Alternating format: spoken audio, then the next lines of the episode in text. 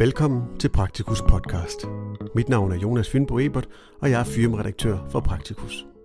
Denne podcast er en oplæsning af artiklen med titlen Har PLO behov for et formuleret professionsideal for praktiserende læger? Og den er skrevet af Jørgen Skadborg, formand for PLO. Artiklen kan læses i Praktikus 253, der udkommer i december 2020. Artiklens tekst starter her. Man kunne også spørge, vi har jo lægeløftet.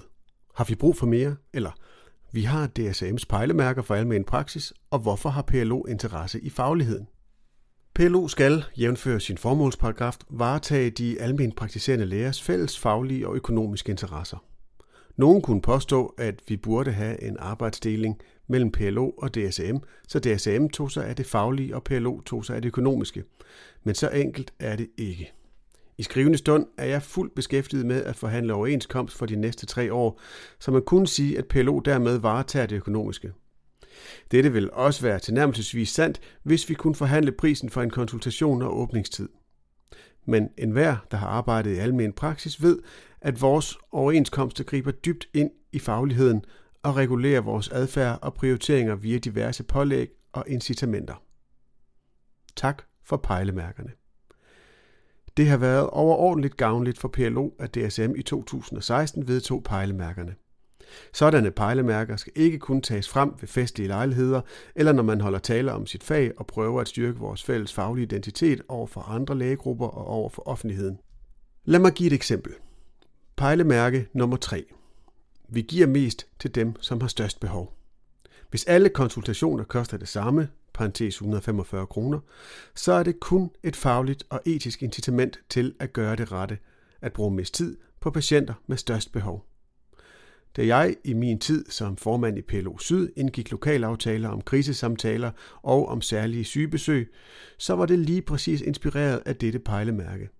Det vil sige bedre betaling for at gøre det, som man egentlig har det bedst med som læge, nemlig det, som kommer de mest lidende patienter mest til gavn. Ja, bevares. Det er jo også en anerkendelse af, at vi som læger i vores professionelle virke, ligesom alle andre mennesker, lader os påvirke af markedskræfterne i vores adfærd. af ordet incitamenter. Pejlemærker præger vores position. Jeg havde med mine egne holdninger til vores fag nok fundet ud af at trække aftalerne i denne retning alligevel, også uden DSM's pejlemærker. Men de var nyttige i dialogen med det politiske niveau og er det stadigvæk. Dette tredje pejlemærke sætter sit præg på mange samtaler med politikere og embedsmænd. Ja, flere og flere tager det til sig. Så må man sige, at selve vedtagelsen af pejlemærker har styrket vores fagpolitiske position. Vi kan på mange måder bruge dette pejlemærke både kollektivt politisk og i de enkelte klinikker, når vi skal tilrettelægge vores omsorg for vores unikke patientpopulationer. Det svære valg er ikke svært. Vi har lige oplevet en skandale, hvor samfundet ikke kunne finde ud af at levere influenzavacciner nok til almen praksis, som er den eneste aktør, der reelt kan finde ud af, hvem der ud over alderskriteriet tilhører risikomålgruppen for vaccination. Det er et eksempel på, hvad der kan ske, når det alene bliver de rå markedsmekanismer, der styrer en ellers samfundsmæssig vigtig indsats for folkesundheden. En journalist spurgte mig i denne anledning, om det ikke er svært at vælge, hvilke sårbare der skal have vaccinen, når man mangler vacciner. Jeg måtte svare, at det er ubehageligt at skulle vælge, men at det ikke er svært, når man kender sine patienter godt. Det er ikke mere unaturligt for os end for kirurgen, der i skadestuen behandler det åbne lårbensbrud før den forstuede tommelfinger. Hvorfor professionsetik? Når vi så har pejlemærkerne og lægeløftet, parentes alle læger burde kende det, de har lagt løfte på, hvad skal vi så med en nedskrevet professionsetik? Jeg vil påstå, at det ikke er helt nok.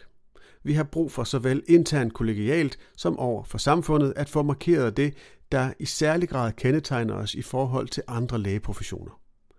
Læg mærke til ordet forretninger i lægeløftet.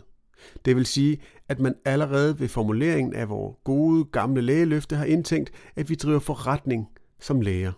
Det er i særdeleshed spændingsfeltet mellem forretningerne, lægen som erhvervsdrivende og de ideale fordringer og etikken i virket som læge, der giver anledning til etiske dilemmaer.